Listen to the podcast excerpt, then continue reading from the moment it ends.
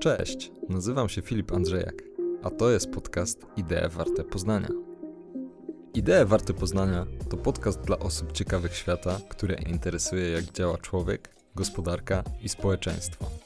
To podany w przystępnej formie obraz otaczającej nas rzeczywistości, widziany oczami myślicieli, naukowców, badaczy oraz ekspertów z różnych dziedzin wiedzy.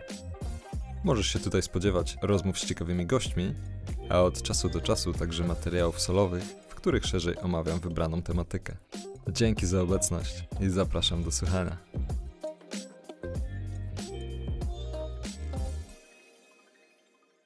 Moim dzisiejszym gościem jest dr Tomasz Kozłowski, socjolog, menadżer, szkoleniowiec i nauczyciel akademicki, autor książek i artykułów, a także prawdziwy pasjonat. Tomasz prowadzi obecnie Poznańskie Centrum Szkoleniowo-Badawcze, wykłada w Wyższej Szkole Bankowej oraz Uniwersytecie SWPS, a także zaczyna pracę nad książką na temat hobby. Zaczynajmy. Cześć Tomek. Bardzo mi miło, że przyjąłeś zaproszenie do mojej rozmowy do podcastu tutaj.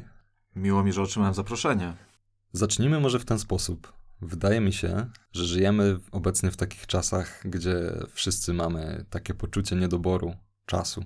Jesteśmy mhm. wszyscy zagonieni, tego czasu nam bardzo brakuje. A ty zdradziłeś mi tutaj przed rozmową, że zaczynasz pracować nad książką na temat hobby. Tak. Czy to nie jest lekkie szaleństwo w tym momencie, kiedy nie mamy na nic czasu, a... No i widzisz, i tutaj właśnie, tutaj właśnie zaczyna się długi temat. Mam wrażenie, że...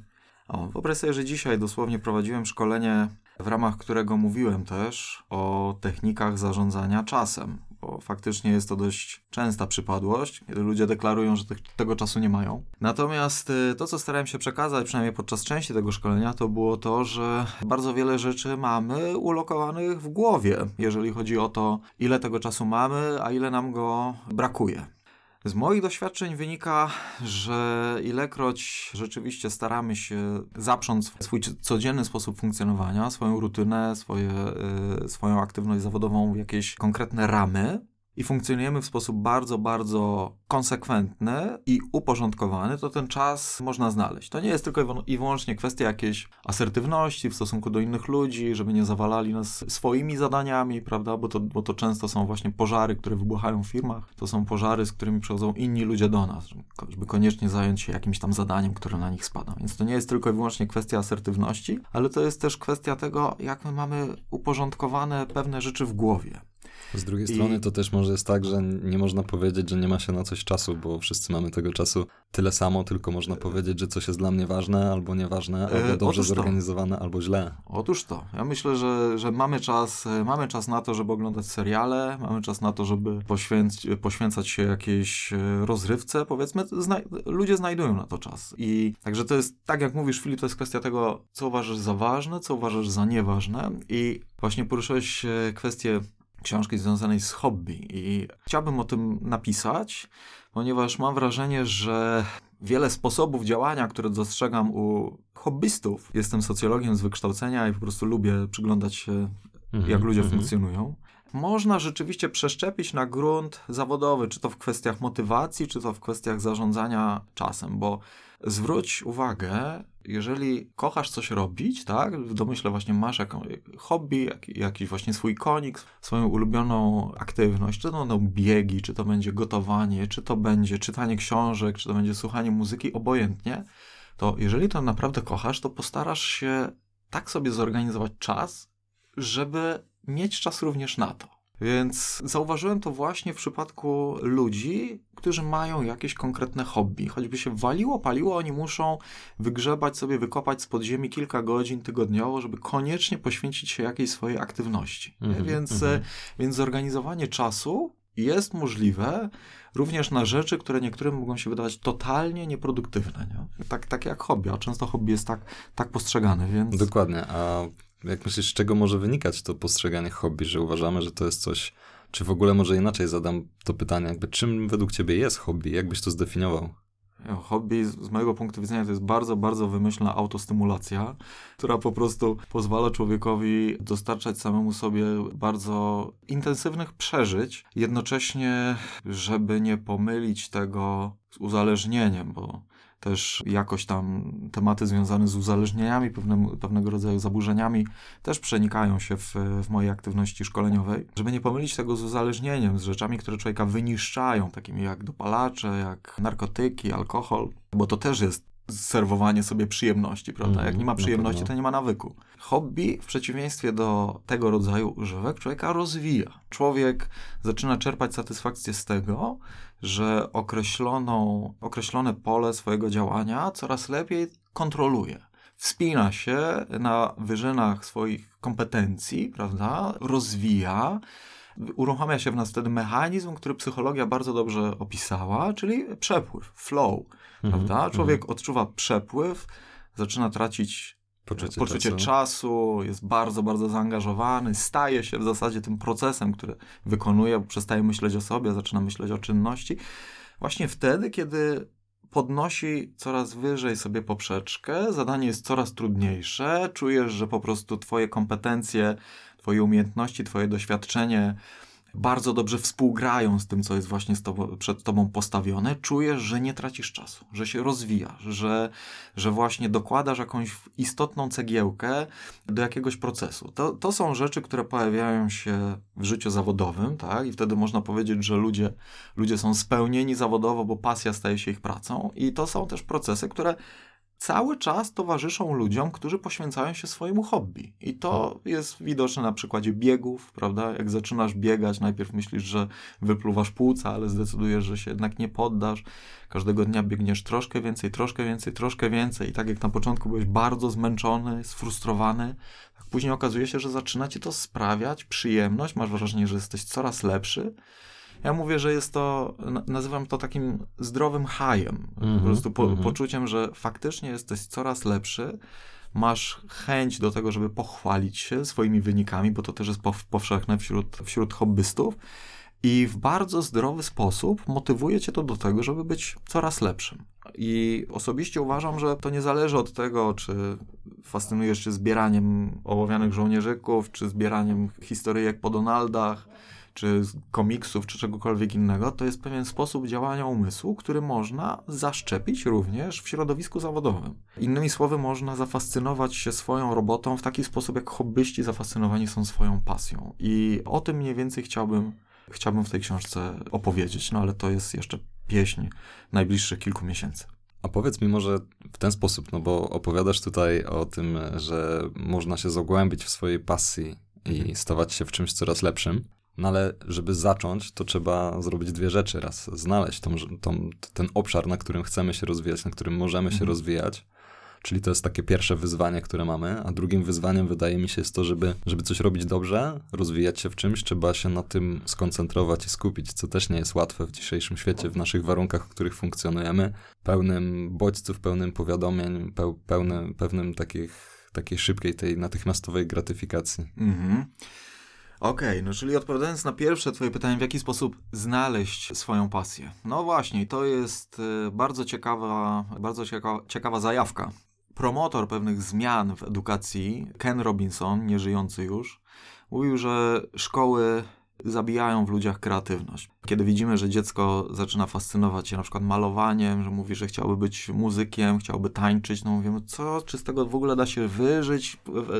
Weź, e, zajmij się czymś porządnym, znajdź sobie porządny zawód i e, trochę odcinamy siłą rzeczy człowieka od tego, co w jakiś sposób go ciągnie, tak? Ja nie mówię, że to koniecznie trzeba malować obrazy, tańczyć albo, albo e, grać na czymś, uprawiać rzeczy artystyczne, ale akurat mówię o tym w kontekście kreatywności, o tym, o czym mówił Ken Robinson. I jak znajdywać swoje pasje? Prawdopodobnie nasze pasje wiążą się z tym, co daje nam w życiu pewną satysfakcję, działalność, która daje nam w życiu satysfakcję. Jeżeli czujemy gdzieś tak jakoś przez skórę, prawda, bo człowiek musi w pewnym procesie poznawać siebie coraz lepiej. Jeżeli czujemy, że pewna aktywność sprawia nam frajdę, dochodzimy do wniosku, że lubimy robić pizzę. Dochodzimy do wniosku, że fajnie nam wychodzi łowienie ryb. Są rzeczy, które po prostu sprawiają nam przyjemność. To bardzo możliwe, że są to rzeczy, w których masz szansę być naprawdę świetny. Po prostu. tak, to jest, pewien, to jest pewien taki nasz sygnał mały od naszego mózgu, od naszego ustroju, który mówi: prawdopodobnie to jest coś, w czym mógłbyś być naprawdę dobry. Nie wiem, uprawa kwiatów. Jeżeli czerpiesz z tego frajdę, proszę spróbuj, spróbuj robić to trochę lepiej. Poczytaj więcej na ten temat i... E, Czyli z jednej strony powinniśmy szukać takich obszarów, które lubimy, które nam dobrze wychodzą. Tak, Też trzeba tak, pewnie tak. wiele rzeczy tutaj próbować. Tak. Uważam, że powinniśmy rzeczywiście po prostu słuchać siebie i y, zdawać sobie sprawę z tego, co lubimy. Ja proponuję tym wszystkim, którzy nas słuchają, żeby po prostu wzięli sobie czasem kartkę i w wolnej chwili napisali rzeczy, które, lu które lubią robić w ciągu dnia. Jedni dojdą do wniosku, że lubią pić kawę w określonej jakiejś tam filiżance, dolewają sobie jakiegoś syropu, robią sobie wzorki na tej kawie. Może okaże się, że są świetni po prostu w tym. Są geniuszami po prostu robienia doskonałej kawy, gdyby się, gdyby się odrobinę w tym rozwinąć. Ja myślę, że jedna ze stosunkowo niewielu rzeczy, może tutaj powiem dość, coś trochę kontrowersyjnego, Mhm. jedna z bardzo, bardzo niewielu pozytywnych rzeczy, które mają nam do zaoferowania media społecznościowe, to, Okej. jest, to jest właśnie możliwość natrafienia na pasjonatów. Nie? Bo tak, właśnie lajkowanie zdjęć, oglądanie galerii, świetnie wyglądacie misiaczki, tak, to, to nie jest szczególnie rozwojowe zajęcie, zwłaszcza dla ludzi młodych, którzy właśnie mogą poszukiwać pewnej pasji w życiu. Ale jeżeli trafiamy na fanpage pasjonatów, no to muszę ci powiedzieć, Filip, że to jest zupełnie inny sposób uprawiania social mediów. Nie? I to jest, taki, to jest taki sposób, który mi, edukatorowi, socjologowi, bardzo, bardzo się podoba. Tam w ogóle nie ma negatywnych informacji zwrotnych, tak jak widziałem. Ludzie przychodzą z jakimiś mhm. swoimi pierwszymi pracami, które mają różny poziom wykonania, prawda? I można powiedzieć, Jezu, człowieku, w ogóle z czym ty przychodzisz? Wracaj do lasu, nie? Tam się ucz, nie? Nie, zawraca, nie zabieraj nam czasu. Nie. Tam, tam nie ma w ogóle hejtu. Okazuje się, że tam są ludzie, którzy bardzo wspierają, mówią następnym razem zrób to, to, to. Zobaczymy, przyjdź ze swoim rezultatem, pochwal się na forum, pokaż, zrób kilka zdjęć, może popracuj trochę nad oświetleniem tam, te, te, ty, ty, ty, tych, swoich wyników pracy. Akurat odnoszę to do modelarstwa, bo też, też lubię zajmować się modelami. I tam po prostu nie ma hejtu. To jest świetne środowisko do tego, żeby się sprawdzić, czy w ogóle, czy w ogóle jest to dla ciebie źródłem jakiej, jakiejkolwiek przyjemności. Tak? Więc to jest, to jest taka moja odpowiedź na to, jak można by szukać tych pasji. Wsłuchać się w to, co się lubi robić, a później znaleźć ludzi, którzy też lubią to robić. I zobaczysz, ile oni ci dadzą ciekawych rzeczy, inspiracji, ile ci podpowiedzą, ile możesz się od nich nauczyć. Pewnie nie potraktujesz tego jako stracony czas. A druga rzecz, mówisz, jak to, jak to kultywować, bo y, cały czas y, pędzimy, cały czas nam brakuje czasu. No, rzeczywiście y, hobby również jest, no, wydaje mi się, pewną pracą nad charakterem. To wymaga pewnej cierpliwości, pewnego samozaparcia, ale jest to proces, który od pewnego momentu wydaje mi się, że zaczyna tak pozytywnie się sprzęgać. Człowiek widzi, że zaczyna być coraz lepszy, a rzadko co motywuje nas do pracy lepiej niż świadomość, że nasza ciężka praca zaczyna wreszcie przynosić powolne rezultaty, jakieś obserwowalne. Czyli ta pozytywna informacja zwrotna Tak. jest czymś, co może nas nakręcić, Tak, zmotywować to nas- do tego, żeby dalej działać. Sądzę, że to nas nakręca i jednocześnie motywuje do tego, żeby właśnie wygospodarować sobie taki czas. Kiedy z młodymi ludźmi, bo współpracuję też z fundacją, który, w, w ramach której opowiadam młodym ludziom, bardzo młodym, to, to, to jest liceum, to są podstawówki, właśnie na temat różnych zachowań ryzykownych w życiu. Cyberuzależnienia, wczesna inicjacja seksualna, substancje psychoaktywne, tak? I między innymi mam z nimi warsztaty, zajęcia związane z zarządzaniem stresem. Mówię im, że jeden bardzo ważnych elementów w, y, w zarządzaniu stresem to jest odnalezienie swojego własnego miejsca, nie? nie w jakimś tam metaforycznym znaczeniu. To może Mhm. być twój ulubiony fotel, to może być twoje ulubione łóżko, to może być twój pokój, cokolwiek. Coś, gdzie czujesz się bardzo, bardzo bezpiecznie. I jeżeli chcemy zarządzać dobrze swoim stresem, powinniśmy wtedy odłączyć telefony komórkowe, urządzenia mobilne, i robić w tym miejscu to, co bardzo lubimy robić. Czy to są właśnie, czy to jest czytanie książek, oglądanie jakichś zdjęć, obojętnie, to jest też właśnie miejsce na to, żeby poświęcić się swojemu hobby. I jeżeli potrafimy wygospodarować nawet dwa, trzy kwadranse dziennie na przebywanie w swoim miejscu, gdzie nikt nam nie przeszkadza, to to już jest bardzo dobry wstęp do tego, żeby właśnie pielęgnować sobie taki nawyk przebywania z samym sobą i poświęcać się swojej ulubionej aktywności. Czyli to jest takie poszukiwanie też tego czasu, tej przestrzeni po to, żeby móc się skupić, móc się skoncentrować i móc robić coś z pełnym zaangażowaniem. O, zdecydowanie, zdecydowanie, bo jeżeli jesteśmy, jeżeli poświęcamy się rzeczom, które nas naprawdę pochłaniają, no to jednocześnie ćwiczymy również koncentrację. To jest coś, co przydaje nam się w bardzo wielu aspektach życia, no nie tylko, nie tylko w kwestiach, które są związane z hobby. No właśnie, tutaj chciałem pociągnąć ten wątek dalej i spytać cię, ok, co nam to może dać? Jak, jakie korzyści na tym poziomie, nazwijmy to psychologicznym, a jakie na tym poziomie takim socjologicznym? Czyli z jednej strony dla nas samych, a z drugiej strony dla naszych relacji z innymi ludźmi, czy ze społeczeństwem jako takim. Mhm. Znaczy myślę, że jeżeli chodzi o to, co, co posiadanie i kultywowanie pasji może dać nam samym, właśnie w wymiarze takim jednostkowym, to to jest przekonanie o tym, że to, to dobrze buduje samoocenę, jestem dobry w czymś, mogę pochwalić się rezultatami swojej pracy, pracy, o której inni ludzie w ogóle nie mają pojęcia, nie znają się na tym, a mogę pokazać, że jestem w coś bardzo zaangażowany.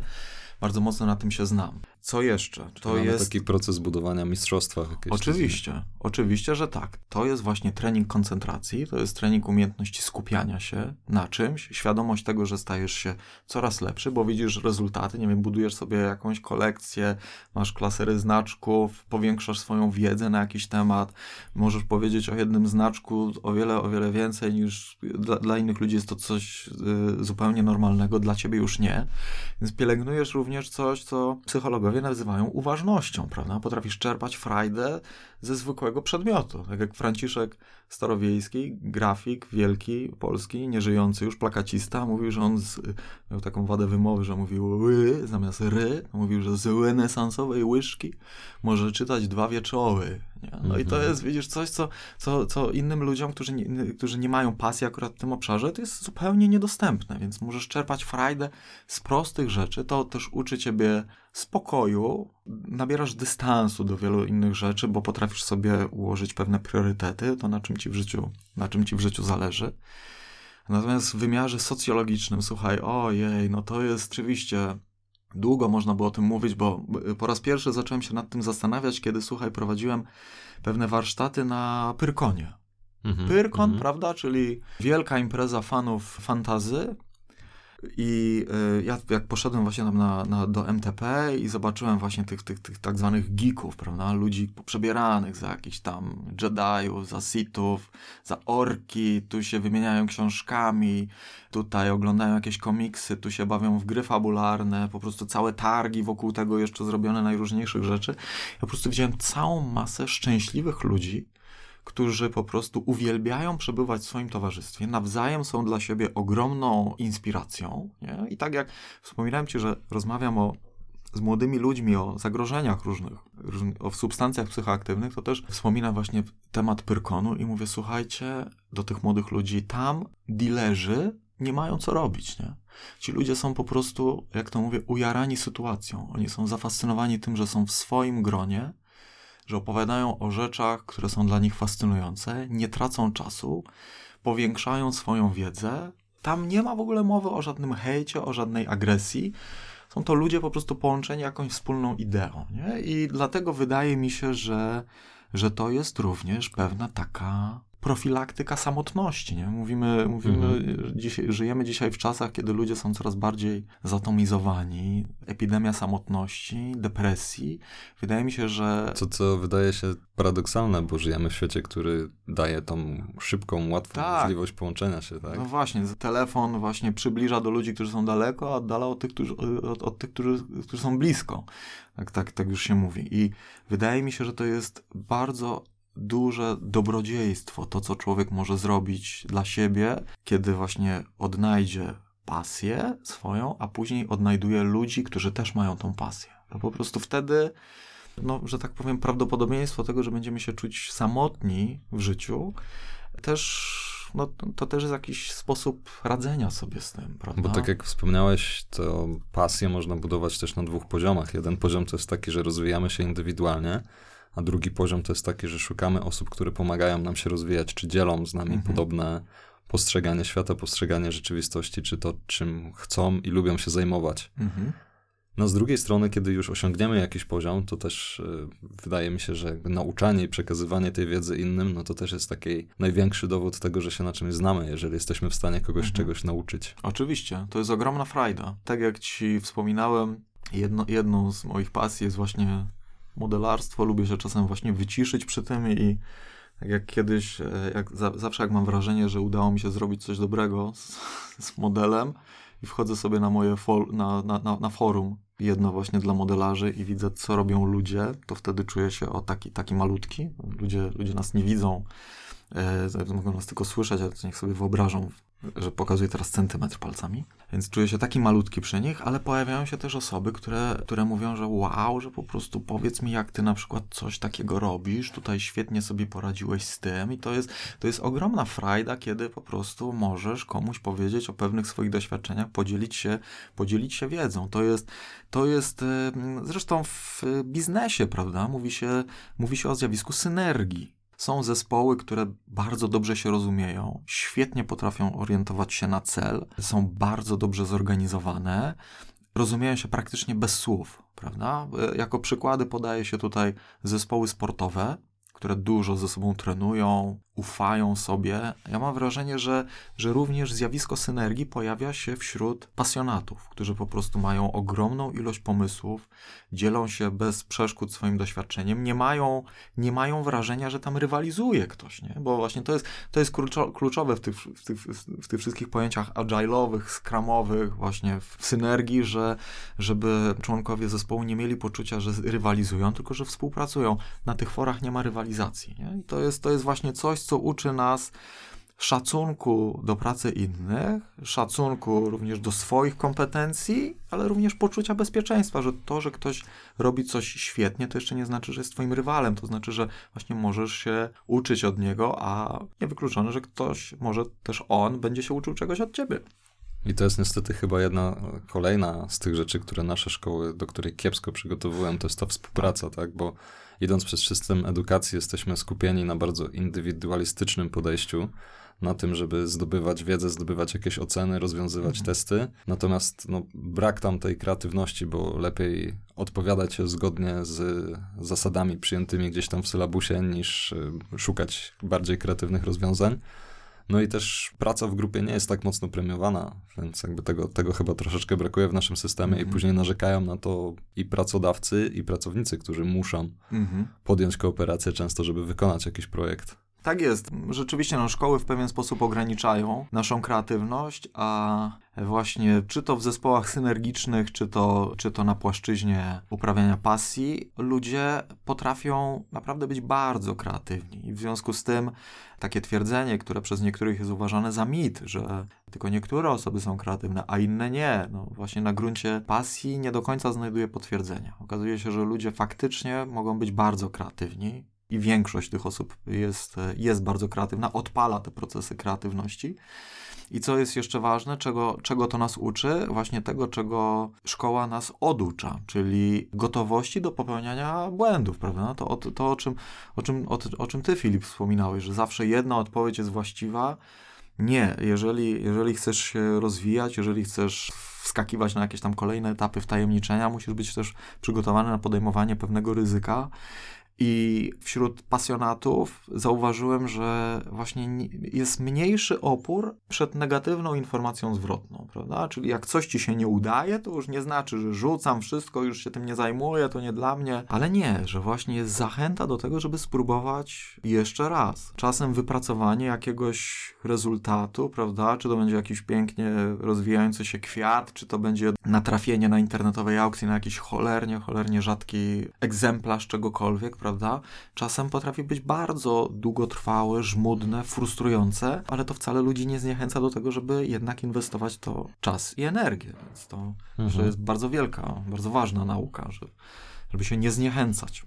Poruszyłeś tutaj jeszcze jedną kwestię, bo teraz do tego chciałbym przejść, Mhm. czyli tego, jak to połączyć z pracą. No bo z jednej strony możemy powiedzieć, że jeżeli to, co robisz w pracy jest twoją pasją, to tak jakbyś wcale nie pracował, bo Mhm. robisz to, co chcesz i lubisz ro robić. Z drugiej strony, czy to powinno tak być, że tylko masz jedną rzecz, która jeżeli jest też twoją pasją od strony zawodowej, robisz tylko to, czy jakby, czy to jest okej? No więc właśnie, wydaje mi się, że trochę żyjemy w takich czasach, że trochę za bardzo zapatrzeni jesteśmy w ten dogmat, że nasza praca powinna być naszą pasją. Jak twoja praca będzie twoją pasją, będziesz, w ogóle nie będziesz czuł, że przepracowałeś chociaż jeden dzień, prawda? Bo wszystko Mm. będzie dla ciebie frajdą. A jeżeli moja praca nie jest pasją, to, to co? To przegrałem życie, czy coś mi się No nie właśnie. udało, prawda? I no bo, nie, bo to brzmi fajnie, No, jeżeli no, tak no jest, właśnie. ale Ot- jeżeli nie jest, Otóż to... to, a większość ludzi, Filip, no, niestety tutaj badania Cebosu, jeśli nie, nie chcę tu przekręcić, która pracownia akurat nad tym się działa, ale dwie trzecie Polaków deklaruje, że nie lubi swojej pracy. Nie? No to, to, to, jest dramat y, z tego punktu widzenia. Y, Może niech ci się ludzie też, niech ci ludzie real, realizują się jakoś, jakoś poza pracą i znajdą jakiś tam balans, ale oczywiście jeżeli nasza praca nie jest naszą pasją, to jeszcze nie znaczy, że nam się życie nie udało i po prostu przegraliśmy w jakimś wyścigu, ale uważam, że niek- niektóre mechanizmy funkcjonowania właśnie hobbysty można przeszczepić na grunt pracy. I to jest kwestia, to jest kwestia między innymi związana z tym, w jaki sposób się nagradzamy za pracę. Ponieważ to jest rzecz, o której wielu polskich menadżerów, taką mamy, mam wrażenie, narodową kulturę organizacyjną, bardzo chętnie nas gani, a rzadko nas nagradza. Te proporcje są bardzo, bardzo zaburzone, więc większość Polaków na ogół doświadcza negatywnej informacji zwrotnej i to nie ma jakiejś tam swojej równowagi, jeżeli chodzi o, o, o, o pozytywy. Więc samemu również można nagradzać się za pracę, można stworzyć sobie pewne systemy nagród i kar, tylko to wymaga pewnego treningu charakteru. Ja na przykład tworzę sobie, właśnie tak, tak jak wspominałem wcześniej, pewne matryce, które pokazują mi, również takie, które organizują mi pracę, której na samym początku nie lubię. Po prostu nie chcę się za coś zabierać. Tworzę sobie pewien system, który mówi, że jeżeli wykonam kilka takich rzeczy, to po prostu będę mógł sobie to w jakiś odpowiedni sposób odhaczyć. To sobie po prostu zrobię jakąś dobrą kawę. To wtedy jest przerwa. Jakoś staram się odpowiednio zagospodarować ten czas.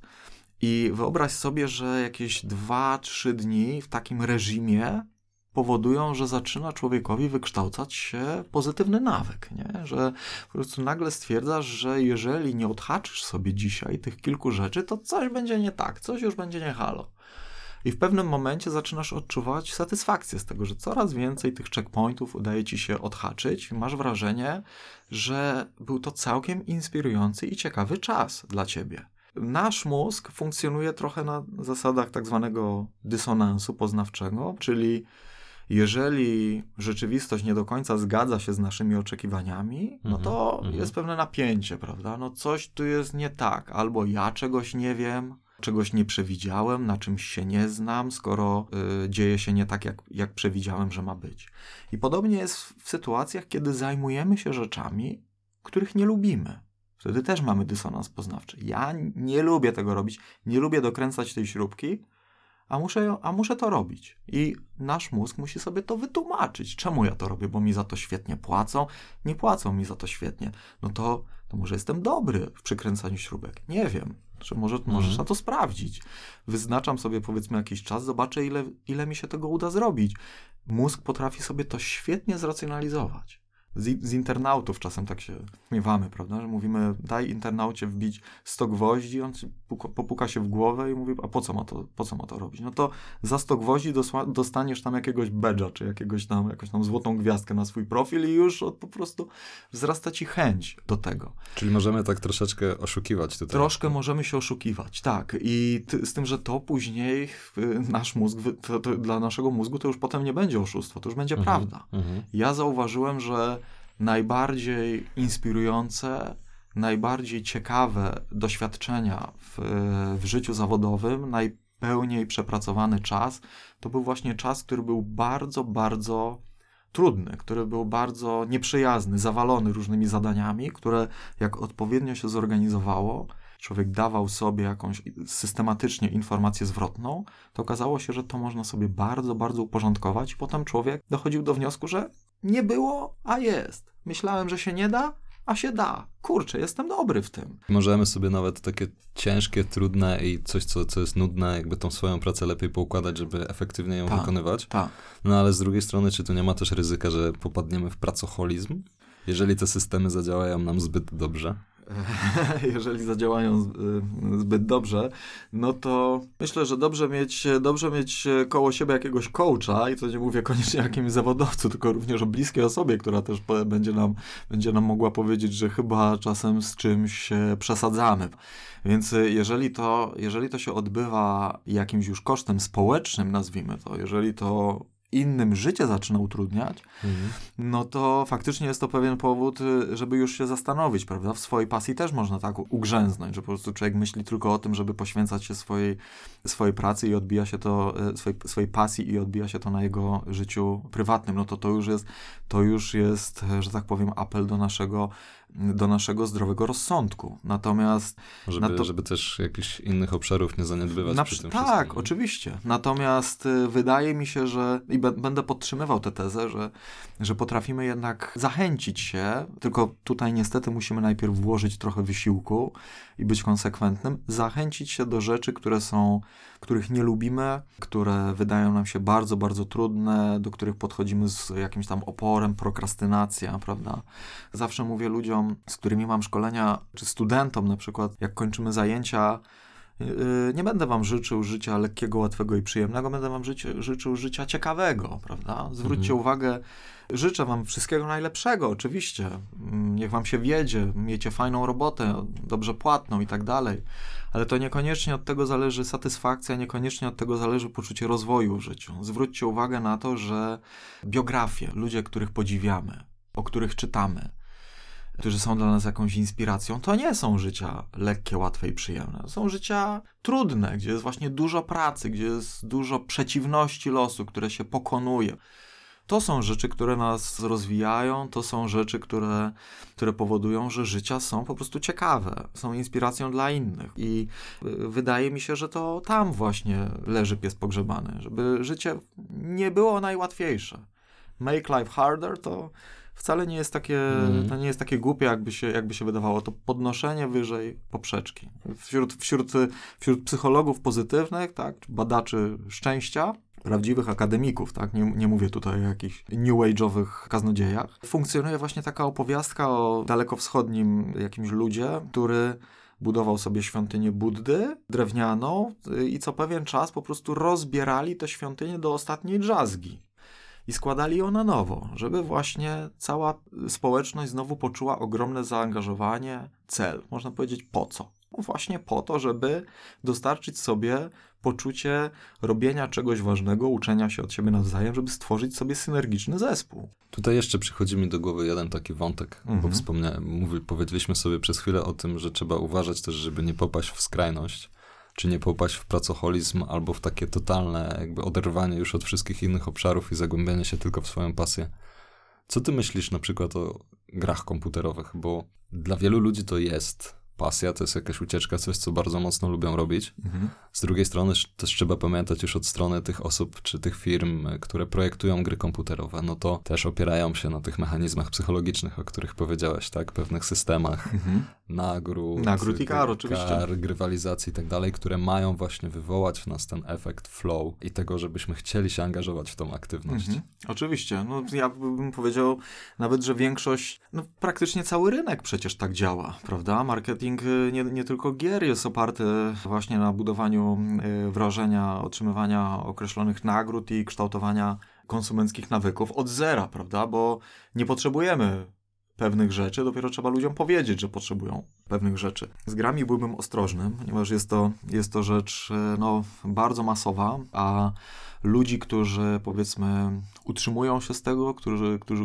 osiągają poziom mistrzowski, jest y, stosunkowo niewielu. To znaczy, powiedziałbym, że gry bezpieczne są do tego momentu i nie, i nie pachną jakimś gameoholizmem, nazwijmy to, jeżeli czujemy, że kontrolujemy tę sytuację. Jeżeli po prostu mamy jakiś określony, zaplanowany rozwój, mamy jakiś cykl treningowy, na przykład, prawda? Funkcjonujemy w jakiejś społeczności graczy, tworzymy jakiś określony team. Powiedziałbym, że, że funkcjonowanie w takim zespole online'owym, kiedy gracze się ze sobą spotykają, potrafi być bardzo satysfakcjonujące społecznie dla mhm. tych ludzi i to też są właśnie ludzie, którzy przychodzą na Pyrkon. Tam się też tacy gracze spotykają i daleki byłbym od, od twierdzenia, że to jest jakaś, jakaś proteza y, życia społecznego. Natomiast y, Myślę, że w sytuacji, kiedy poświęcamy się temu samotnie, w sposób taki no można też powiedzieć, kompulsywny, kiedy widzimy, że nie potrafimy myśleć o niczym innym, kiedy po prostu to odbija się kosztem jakichś również rzeczy codziennych, prawda? To, to o czym Filip y, mówiłeś wcześniej, to są pewne etapy już zaburzenia, uzależnienia, kiedy widzimy, że opuszczamy się w innych rzeczach, kiedy zaniedbujemy najbliższych, kiedy nie potrafimy zadbać o samych siebie. Drugi, trzeci etap, no to, to już po, pojawiają się również pewne zaniedbania higieny nawet kiedy stwierdzamy, że mieliśmy przez cały weekend taki ciąg po prostu, przez y, na przykład 14 godzin na dobę w, w jednych gaciach, za przeproszeniem, przed, przed laptopem, mm. no, to, no to to już jest niebezpieczne. Natomiast to jest pytanie o to, na ile czujemy się panami tej sytuacji. Są testy, które to badają, Zachęcam do zapoznania się, między innymi jedną, jedną z moich z ostatnich publikacji, moją Mariusza Jędrzejki, Agnieszki Taper, Cyberzaburzenia. Mhm. Tam są testy, które można samemu rozwiązać i przekonać się, czy, czy granie w gry weszło już na niebezpieczny poziom. I przypuszczam, że do każdego innego hobby też to można odnieść.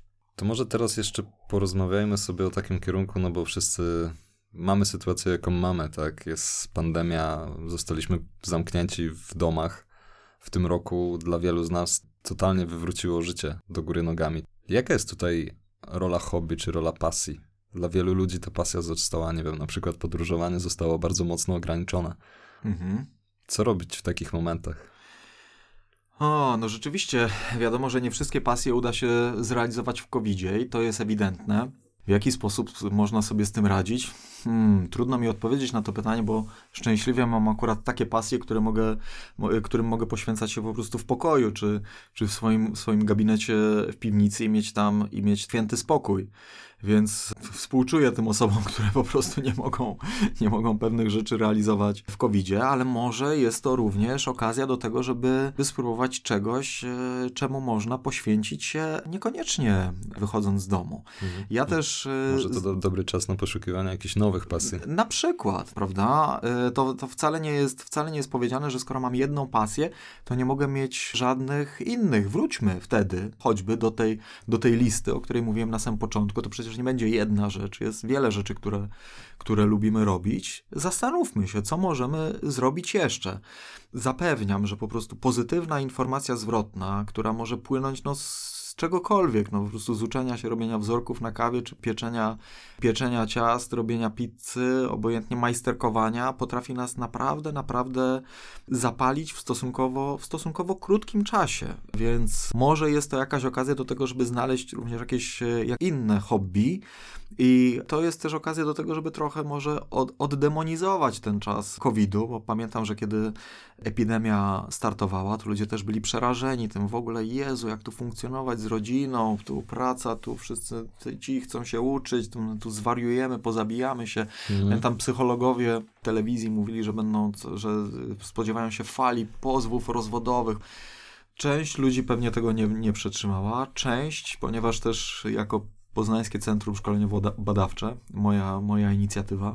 Część ludzi, co zawarte jest w raporcie y, mojego centrum, dostępnego na LinkedInie, mała reklama, hmm, Zadek zadeklarowała, że właśnie to jest całkiem dobry czas. Okazało się, że potrafią dobrze spędzać czas z rodziną i teraz wiele osób zastanawia się nad tym, jak można by jeszcze sobie ten czas kwarantanny, czas powrotu, czas, w którym nie muszą wracać jeszcze do pracy, przedłużyć, bo całkiem dobrze funkcjonuje im się w tej rzeczywistości home office. Nie mówię, że zawsze tak jest, ale niektórzy ludzie odnaleźli się w tym całkiem dobrze. Bo wiadomo, że są, że są pewne trudności, prawda, ale no no pain, no gain, jak to się mówi. Więc myślę, że to jest kwestia pewnej proaktywności. Traktować pewne rzeczy nie tylko jako problem, ale czasem jako, jako wyzwanie. Nie mówię, że mnie się to zawsze udaje.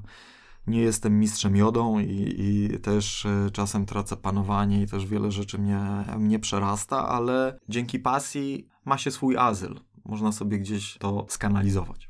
Czyli warto patrzeć na takie rzeczy nie tylko z perspektywy zagrożenia, ale też jakiejś szansy na to, żeby poszukać jakichś nowych rozwiązań i inaczej podejść na nowo do pewnych tematów.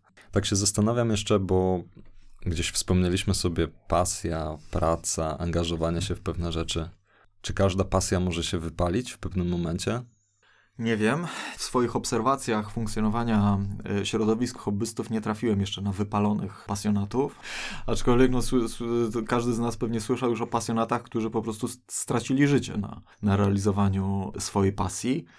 Wydaje mi się wypalić. Powiedziałbym, że możemy znaleźć inną pasję, że, że faktycznie od czasu do czasu pojawia się coś, co pochłania nas i może faktycznie coś przestaje nas interesować na jakimś etapie. Pamiętam, że w e, podstawówce byłem e, zagorzałym fanem NBA. Dokładnie śledziłem wszystkie notowania poszczególnych konferencji, ustawiałem sobie budzik na godzinę drugą, trzecią w nocy, żeby, żeby oglądać playoffy, a później jakoś z nastaniem liceum to po prostu odeszło, skończyło się. No jakoś tak, że chyba jakoś ta pasja się wypaliła. Są pewne rzuty w tym, no tak, tak myślę, że, że coś, coś nas bardzo, bardzo zajmuje, a później przestaje nas zajmować. Tak było na przykład w moim przypadku z bieganiem. Bardzo, bardzo wiele kilometrów przebiegłem, zrobiłem, zrobiłem cztery półmaratony, nie jest to jakiś nadzwyczajny wynik, no ale, ale zawsze coś, więc jakiś tam rezultat udało mi się wypracować. Od pewnego czasu nie biegam, mhm. ale na przykład modelarstwo wraca do mnie pasjami po prostu, jak jakaś taka dawna miłość. I to było, to było obecne w podstawówce, to było obecne w liceum, później na studiach i, i po studiach też wreszcie do mnie powróciło, więc pasje mogą się wypalać, ale nigdy nie wiadomo, kiedy do nas powrócą. Myślę, że do biegania też kiedyś wrócę, może nawet bardzo niedługo.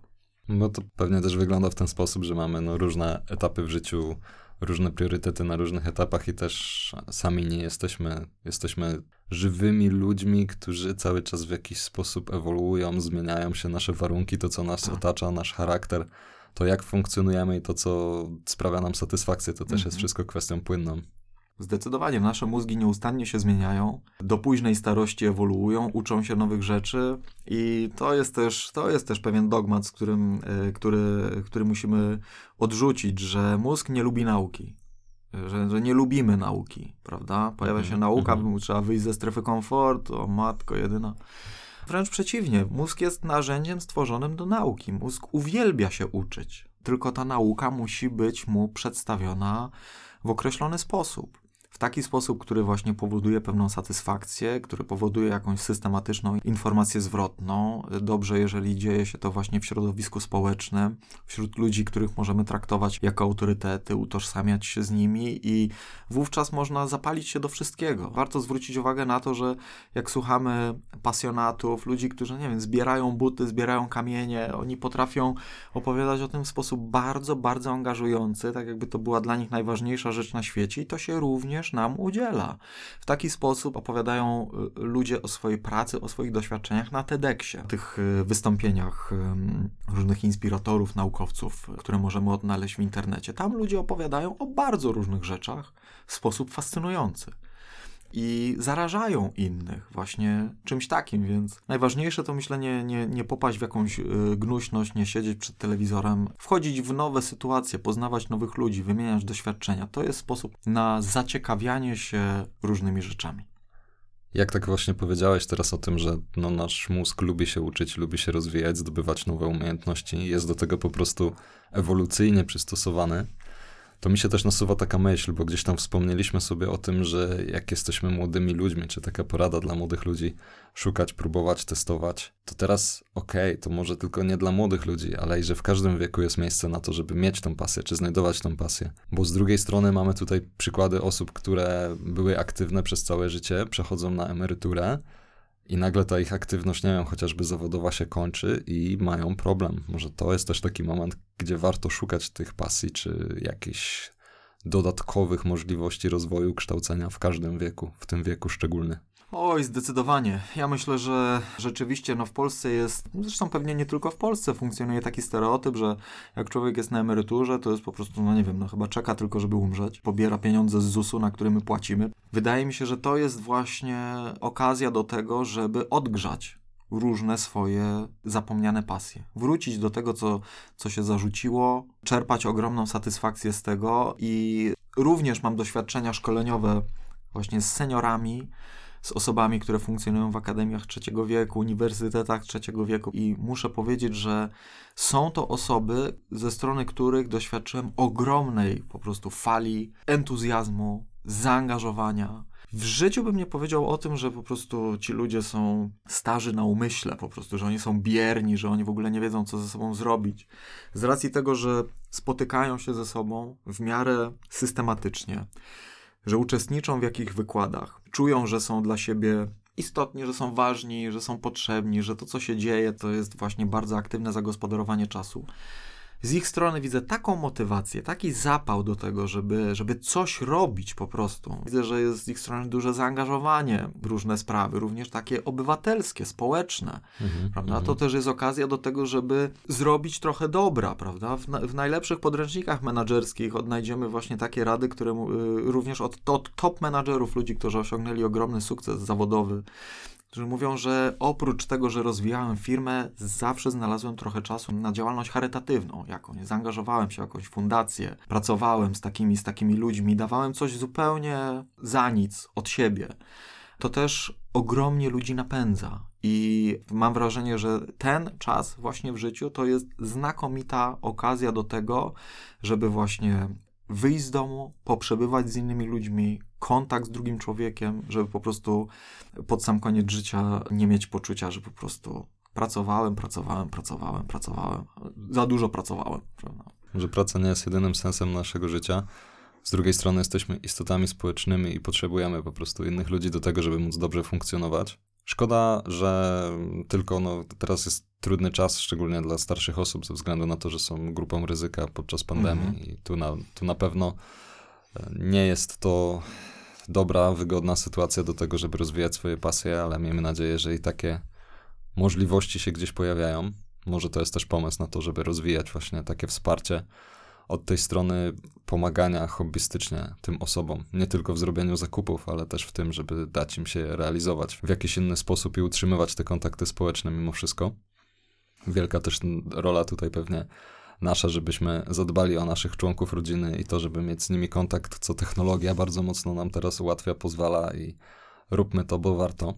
I to jest właśnie, przepraszam, że wejdę ci w słowo, to jest właśnie ta druga rzecz bardzo, bardzo korzystna, jeżeli chodzi o portale społecznościowe, że dają nam rzeczywiście możliwość kontaktu w sytuacji, kiedy jest on bardzo, bardzo uszczuplony, a potrzebny. Bo wykorzystujemy portale społecznościowe często wtedy, kiedy jest niepotrzebny zupełnie kontakt, prawda? Można do kogoś zadzwonić, nie trzeba siedzieć i scrollować tego walla, ale w sytuacji, kiedy, że tak powiem, kontakty są upośledzone, a są bardzo potrzebne, no to wtedy portale społecznościowe rzeczywiście robią dobrą robotę.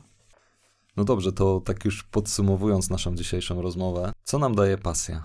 Jakbyś miał to podsumować w kilku punktach, dlaczego warto mieć hobby, dlaczego warto być pasjonatem czegoś?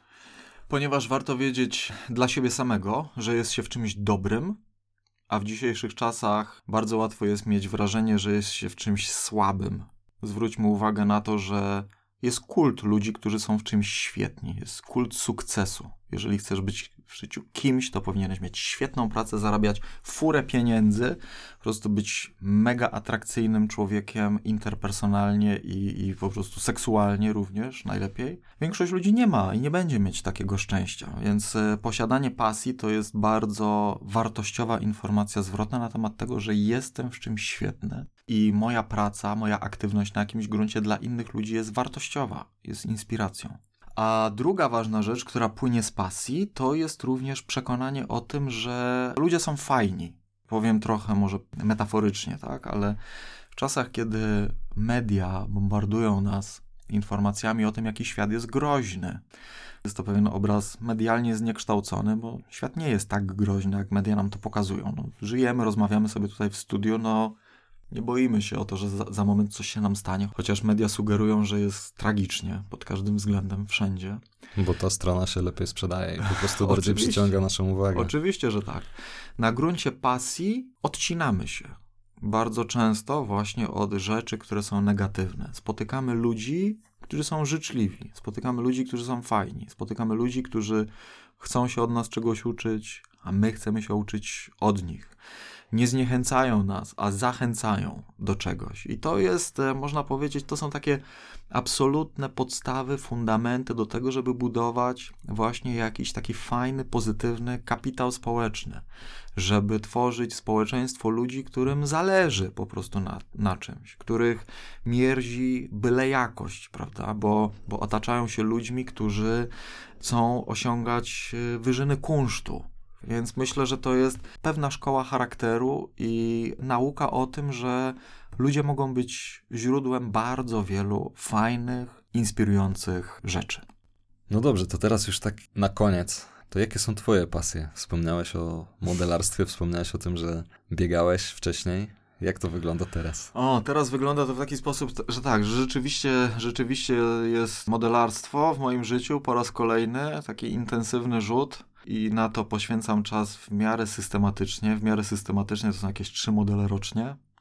Co jeszcze? Jest muzyka. Muzyka na kompaktach. Uwielbiam po prostu słuchać muzyki z kompaktów i uwielbiam wyszukiwać używanych kompaktów w świetnym stanie. Mhm. Y, to jest taka zajawka.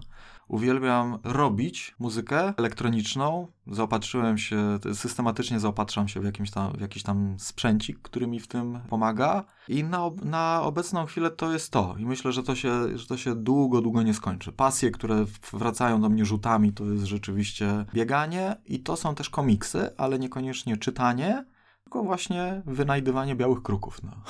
mm, na, mm. aukcjach, na aukcjach internetowych, zwłaszcza tych, które mają hologramowe okładki, także jakby ktoś coś słyszał, to, to proszę koniecznie się ze mną skontaktować. Super. No gratuluję ci tego. Mm, myślę, że pewnie... A twoje pasje, Filip, no zaraz, zaraz, zaraz. Ja się odsłoniłem, to teraz ty.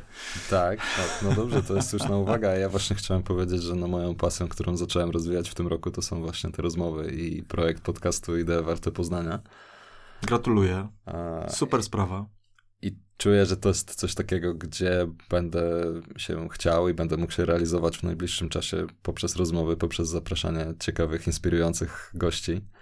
I tak, to jest taka pasja, która teraz bardzo mocno mnie pochłania i myślę, że będzie mnie pochłaniać w najbliższym czasie. Świetnie. Dziękuję Ci bardzo za udział w dzisiejszym podcaście, za to, że przyjąłeś zaproszenie do rozmowy. Gratuluję Ci pasji, gratuluję Ci też y, aktywności tego, że potrafisz pogodzić pracę na uczelni, prowadzenie biznesu szkoleniowego, pisanie książek i do tego jeszcze pasję. Także dziękuję Ci bardzo za tą inspirującą rozmowę. Życzę powodzenia w pisaniu, w tworzeniu, w kreowaniu nowych rzeczy, nowych rozwiązań i bardzo chętnie poczytam Twoją książkę na temat hobby. Być może do usłyszenia w przyszłości. Myślę, że znajdziemy jeszcze nie jeden ciekawy temat do rozmowy. Do usłyszenia, mnie również będzie bardzo miło. Było mi bardzo miło. Wielkie dzięki za zaproszenie. Pozdrawiam wszystkich serdecznie. Trzymajcie się. I to już wszystko w dzisiejszym odcinku. Kolejny pojawi się już niebawem. Zapraszam Cię na stronę internetową ideewartepoznania.pl. Możesz tam się zapisać na powiadomienie o nowym odcinku. Aby dowiedzieć się więcej o kulisach produkcji oraz nadchodzących materiałach, zapraszam Cię do śledzenia mojego profilu w mediach społecznościowych. Znajdziesz mnie na Facebooku, Twitterze oraz LinkedInie pod hasłem Filip Andrzejak. Pozostajemy w kontakcie. Do usłyszenia.